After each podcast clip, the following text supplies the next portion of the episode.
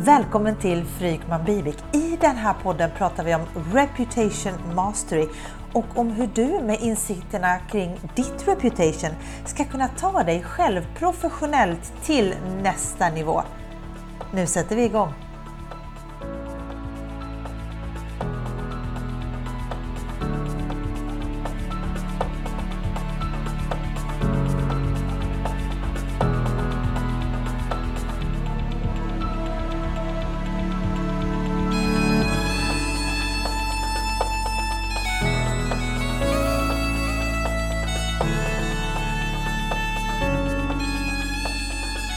Välkommen till Frykman Bivik. Det här är Magdalena Bivik. Och det här är Per Frykman. Och idag, i dagens avsnitt så kommer vi prata om unikitet och unik... Hur säger du den Per? Ja, men innan du började rätta mig så sa jag alltid unikicitet. Det är samma sak för the record idag. Jag kan inte säga så som du säger det, men får, man får säga som man vill. Idag så handlar det om att man inte ska tappa sin unikitet. För att vi, vi har noterat att det faktiskt sker lite mer än vad vi tycker. Det, vi, det, det stör. Det, det, vi har noterat att man tappar sin unikitet och det vill vi avhjälpa. Inte sant? Ja, nej, men alltså det, det handlar ju väldigt mycket om det här att det är en insikt att vi är, vi är unika. Och, mm. och mm. jag ser att det skrivs väldigt ofta utan att man egentligen funderar på vad det innebär. För att, eh, jag tror att det är hög tid liksom att börja att lära känna våra unika egenskaper och eh, göra dem till en avgörande konkurrensfaktor. Eh, ja, som, det, som det borde vara egentligen. Utan, och inte bara svänga sig med ordet unikitet utan fundera oh. på alltså, vad innebär det. För att, jag menar, när vi marknadsför oss idag så vi faller ju ofta in i ett antal, alltså lite mallar och ramar som gör att mm. det blir lite slentrian. För vi tror att mottagaren vill ha det på ett visst sätt. Och eh, då ligger vi långt ifrån vår unikitet egentligen. Ja, men, men, då, men då tänker jag så här, who's to blame? Om jag då, eh, säg att jag kanske då är ute efter att, att att åstadkomma någonting. Jag kanske vill, jag kanske pitchar in mig till en uppdragsgivare. Jag kanske ska ta ett, ett professionellt steg på något vis. Och då menar jag inte nödvändigtvis ett nytt jobb. Och så, men liksom jag, jag ska ta ett steg framåt. Jag är på väg någonstans.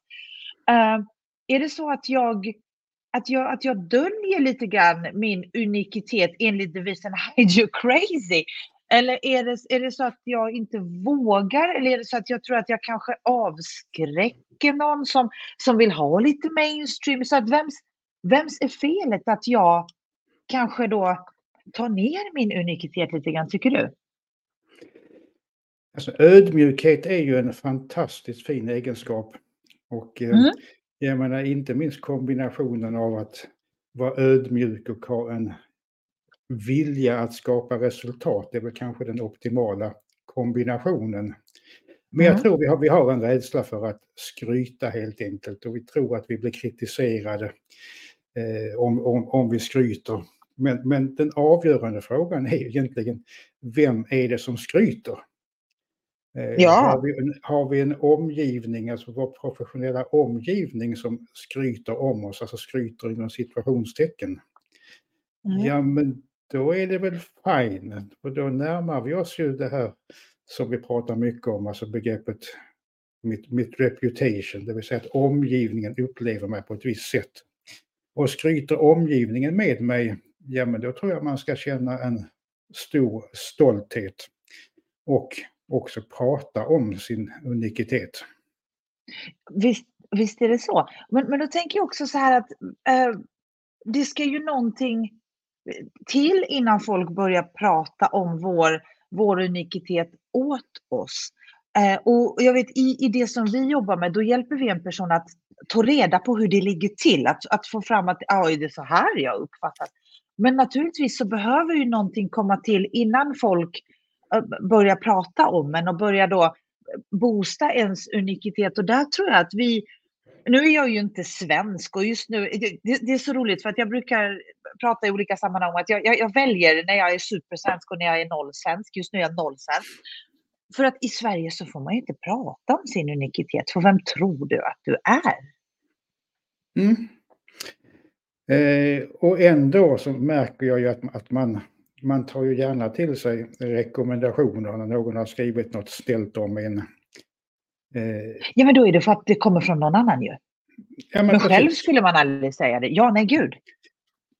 Nej, och det är ju därför som alltså resultaten när man jobbar med reputation blir så slående. Att man får, alltså, mm. som en del säger, alltså, aha-ögonblick eller magiska ögonblick när man får reda på sig i komprimerad form vad ett antal personer har, har sagt ja. anonymt. Precis. Eh, och då märker jag att även om det är den här aha-upplevelsen eller man inser att det här, det här är inte vad jag säger själv så tar det ett par veckor innan man vågar kliva fram förstå. med, med mm. förstå, med de här, förstå hur unik man är. Och, ja. och eh, det är, och jag menar, i, idag pratar man ju mycket om att man, man ska vara autentisk, att det är liksom det som är, är, ja. är avgörande. Och det är alltså frågan är alltså, kan man vara fullt ut autentisk om man inte känner till de här nyckelfaktorerna som, som, som bygger ens reputation, som bygger ens unikitet? Alltså det kan man ju vara om man fullständigt inte bryr sig om vad andra tycker, alltså noll bryr sig om vad andra, då kan man absolut vara helt autentisk. Men, men, men jag tänker att det finns ju också det här med, med att ibland när man då visar, för det, det, har jag märkt själv att jag har ju tonat ner mig så mycket vid så många tillfällen för att om, om jag ballar ur fullständigt i hur jag tänker i ett sammanhang och börjar ställa frågor och, och liksom försöker dra det till en annan dimension. Det, blir, det kan ibland bli lite obekvämt för omgivningen att, att hantera för att då kanske jag liksom att, att jag, alltså jag kräver någonting tillbaka av ett resonemang som, som man kanske inte var vid att föra. Å andra sidan så står det i min reputation tagline att, att de är gränslöst mindset och working with her is an opportunity of a lifetime. Men det passar ju inte alla heller. Nej, och alltså, vi ska ju inte jobba med alla. Alltså, vem Nej. vi än är och i vilken situation vi än är så kan vi inte ha ambitionen att jobba med alla. Inte ens jag har det. Utan för mig Nej. handlar det om att vara exklusiv och att jobba med dem som som förstår. Det, det, för mig är det avgörande. Och, och, där har vi ju den här fantastiska teorin som heter attract and repel. Som är så svår, så svår att göra i praktiken för att det är ju ingen som vill repel någon överhuvudtaget. Och det är då det blir mellanmjölk. Och jag tänker att attract and repel är ju helt fantastiskt. För dig som inte vet detta som lyssnar så bygger det på att nå ut till exakt rätt målgrupp så att på, på, exakt ett sätt att de, att, de, att de känner att oh wow, liksom, det här är precis 100 procent som om du läste mina tankar. Jag älskar det här är helt, oh, halleluja. Uh, och så kan det finnas en svans på andra sidan där tycker, som tycker att nej men gud nej, det här är absolut inte för mig. Det här, usch, usch, usch. Men då har du hamnat liksom till slut med en målgrupp som är precis rätt för dig och de andra som man annars försöker tillfredsställa med att inte vara unik nog, de är ändå inte ens kunder. De är liksom, varför ska man... Och, och det där tror jag, det är liksom lite så att man jagar likes och sånt där. Vi ska ju prata lite om sociala medier, om LinkedIn om en liten stund i det här. Men, men jag tror att när man, när man inte tillåter sig själv att plocka fram sin unikitet, det, det är för att man bryr sig om vad breda massan tycker. Och så kanske man mm. aldrig når den här spot on-kunden. För man repellar ju ingen heller. Nej, och det, det där är lätt hänt att man, jag menar det där har jag drabbats också av det här att man ska, eller man, jag ska övertyga eller försöka övertyga alla. Och, och nej. Det, nej, det inser ju jag också att det, det, det går inte, men jag, jag upptäcker med mig själv ibland när jag skriver eller när jag pratar inför folk att jäklar nu ska jag övertyga dem här om hur bra det här är. Men insikten kom, slår ju tillbaka väldigt snabbt att nej, det, det, det där ska jag sluta med. Och, och det handlar ju väldigt mycket om att vara, ja. överty vara övertygande. Och det är man inte när man försöker att övertyga. Nej, men jag tror att är det rätt kund och målgrupp så tror jag aldrig att man behöver övertyga överhuvudtaget, utan det som är unikt hos dig är det som de kommer tycka är alldeles, det är precis alldeles fantastiskt. Och så bara, mm. men gud, jag kan, hur, hur, hur kan jag få jobba med det istället för att, alltså, att det blir liksom, riktningen ändras. Att mm. oj, får jag, får jag jobba, har du tid? Eh, då har man liksom hamnat rätt. Och jag, jag kommer ihåg när jag gjorde min, min analys första gången. Minns du, minns du min tagline första gången? Nej, du har gjort tusentals. Hur ska du kunna komma ihåg? Jag är ute efter Tusen, två ord. Tusentals? Ja, ja alltså Bibic-style. Ja! ja, det yes. minns Och, och, och, så här, och det här är ju väldigt relevant för eh, diskussionen kring unikitet. För att när jag när jag då hittade Per för många år sedan, många, man ska aldrig fråga en kvinna om hennes, om hennes ålder, men det är många år sedan. Det är över, det, över decennium sedan. Oh, jo, eh, då, då, då var jag i, på ett ställe i livet professionellt där jag alltid gjorde på mitt sätt. Och jag var liksom lite, jag var aldrig rädd för att det inte var rätt. Men jag, jag var ändå, jag tänkte hur många tillfällen och sammanhang kommer jag komma undan med att jag alltid gör det på mitt sätt. Och, och, ofta var bakgrunden att jag kanske inte var klassiskt skolad i det jag sysslade med.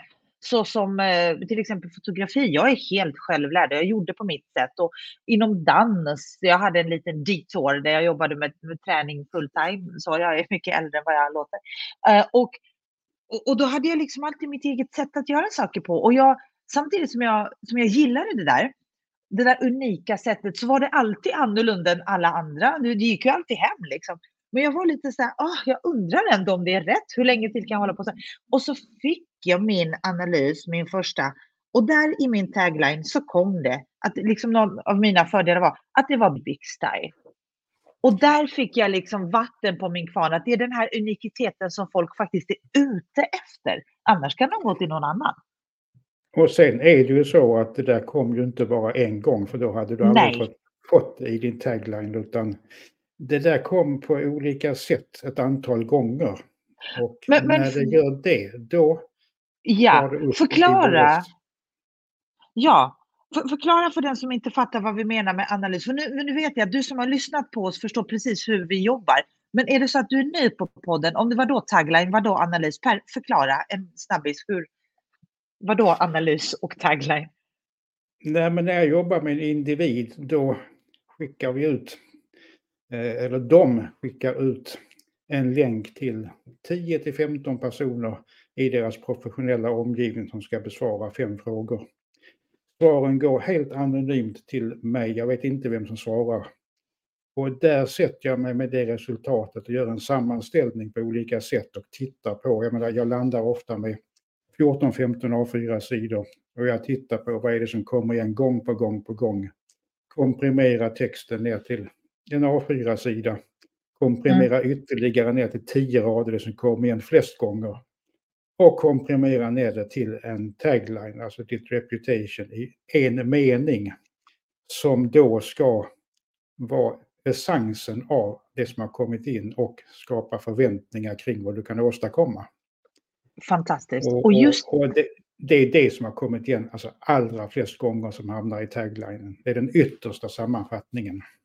Och förstå vilken bekräftelse att få att din unikitet är det som är liksom folk vill ha. Och, och, det, och jag är absolut inte ensam om att, att ha fått den. Det, alltså, det, det, det, är ju inte unikt, utan det är de där största, alltså de, de, det är det som blir ens framgångsfaktor, det här som gör dig, liksom skiljer dig från mängden. Och tänk att få reda på det, för vad som hände med mig rent faktiskt, det var att istället för att undra om det var rätt, jag tryckte ju gasen i botten. Here we mm. are.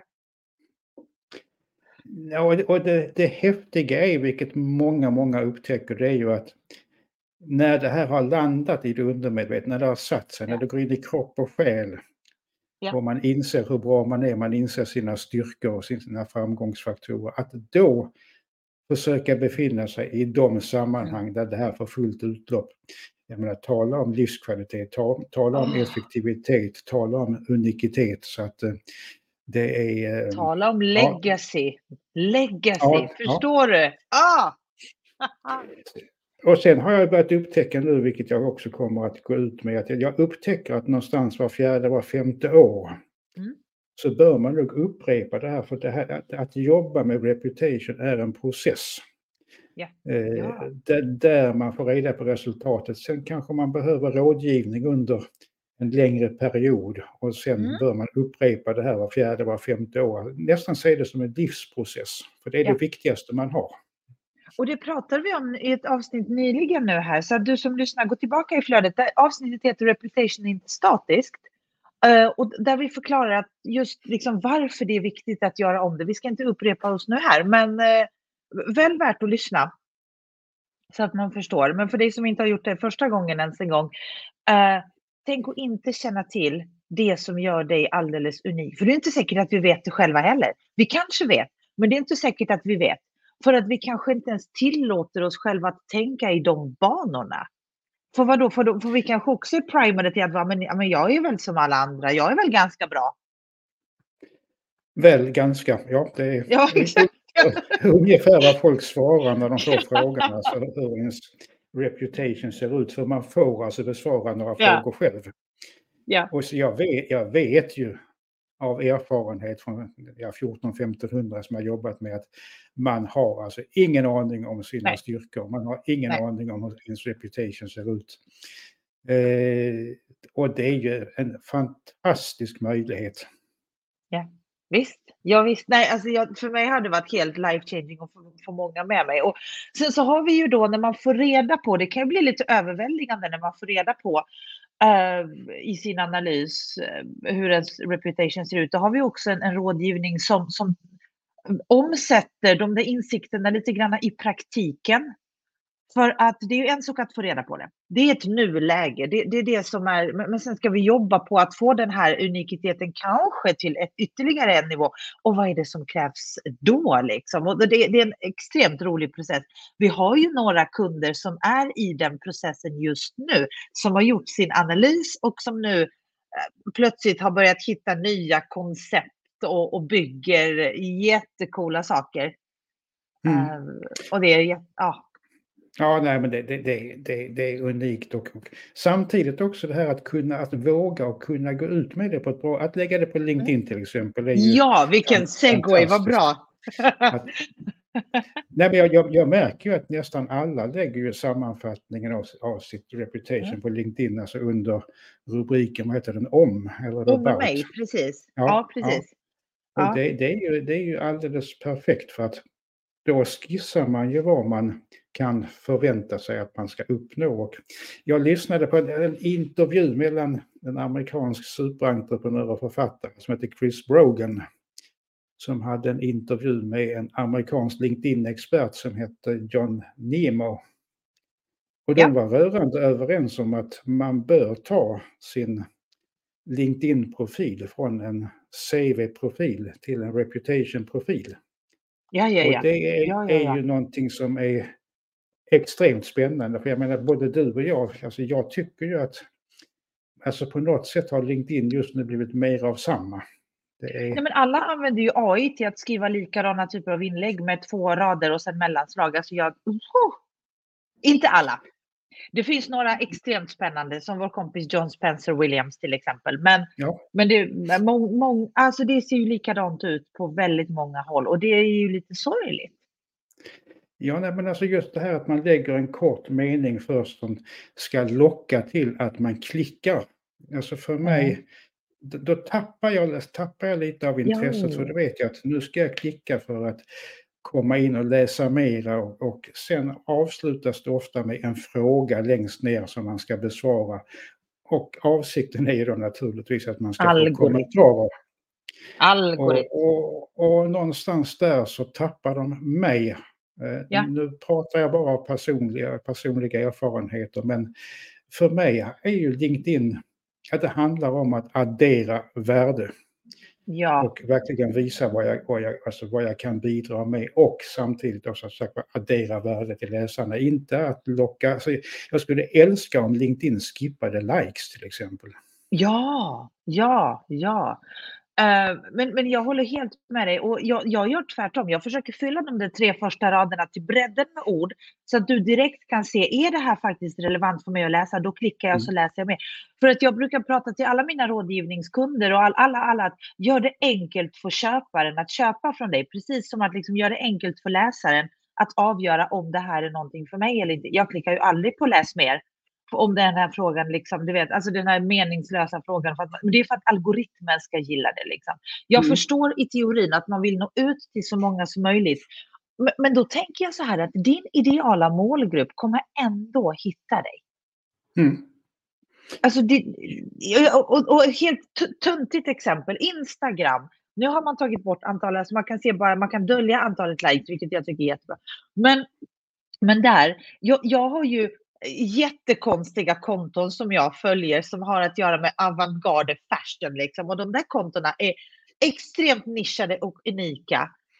Och jag tror inte att de försöker nå ut till alla och ändå är det så här hundratusen som har hittat till dem. För att det gör man ju om man är intresserad av, av just den unika stilen liksom. Mm. Och, Nej, ja. alltså, du, du når rätt personer. Du får inte den här maximala räckvidden som nu alla strävar efter och som alla blir frustrerade över när LinkedIn ändrar algoritmerna. Ja. Eh, men, men för mig är det, det jag håller med dig, det handlar ju om att nå precis rätt, rätt personer. Ja, och de, ja, och de, de, de hittar dig, de vet att du finns. De vet att du har något unikt att bidra med. Och, precis, och sen så har vi faktiskt en, en faktor till och det är, och det är Seth Godin som pratar om smallest viable audience. Både du och jag jobbar med tjänsteutövning och jag menar, eh, vi, vi, har inte kapacitet att, att serva hundratusen människor i månaden. Liksom. Det kanske finns folk som har en kapacitet i form av sina tjänster eller så. Och där kanske de siktar brett för att få volymen av människor som köper deras grejer. Men vi som jobbar med exklusiva tjänster, eh, det, det finns liksom, vi, vi, vi hinner inte. Alltså, och, det, och, och, då finns det ännu mer anledning att, att, att liksom gasen i botten på sin unikitet, för då, hinner vi, då hittar vi ännu mer rätt till kunden. Liksom. Mm. Um, mm.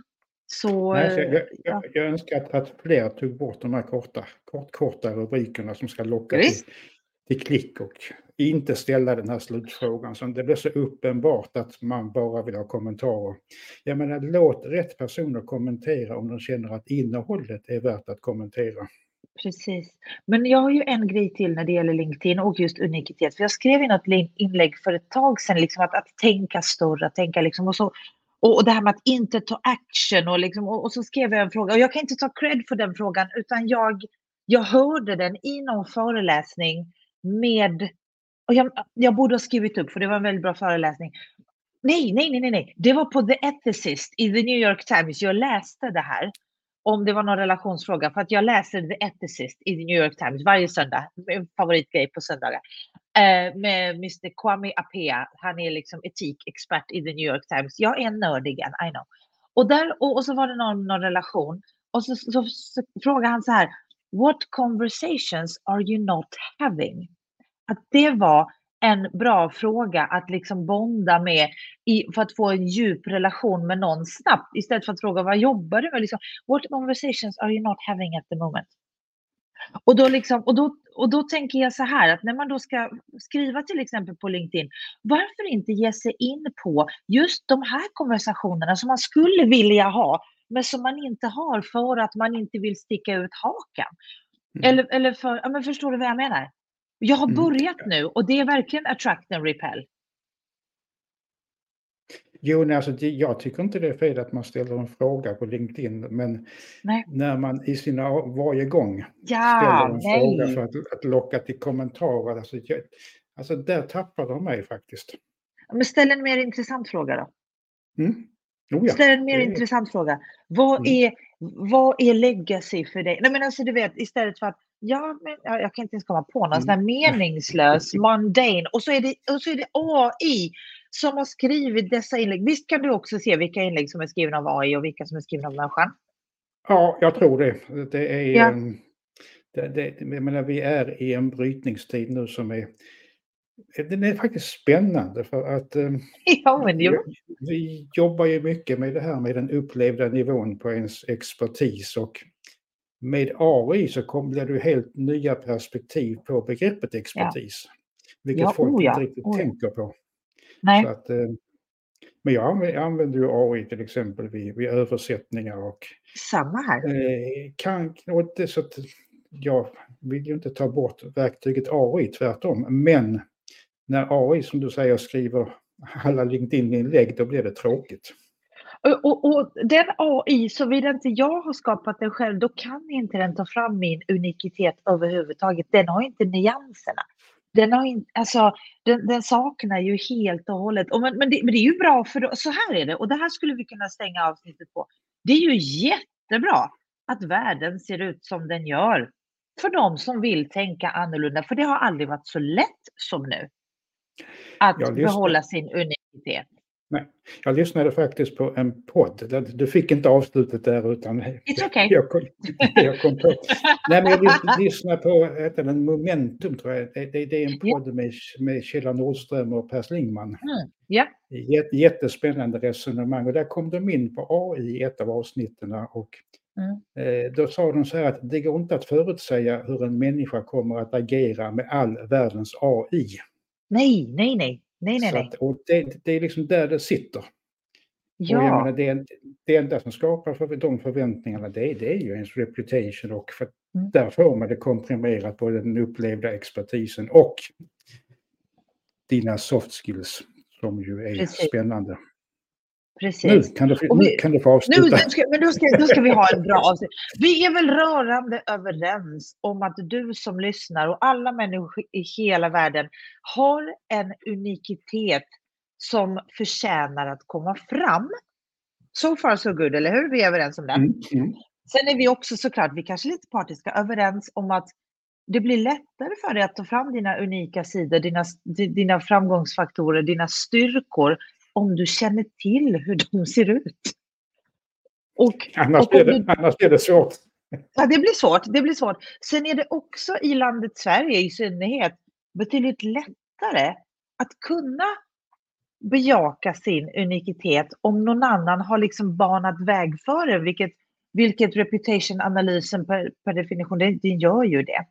Och, och då, då, blir det liksom lättare att med bakgrund av den sätta sig i de sammanhangen där man faktiskt ska vara, där ens unika styrkor och där ens unikitet är det som efterfrågas istället för att man då försöker dölja det på något vis. Uh, och det är det vi jobbar mot. Och har du lyssnat så här långt på det här avsnittet och lyssnat på oss tidigare och ännu inte påbörjat din process, då börjar jag fundera på varför inte?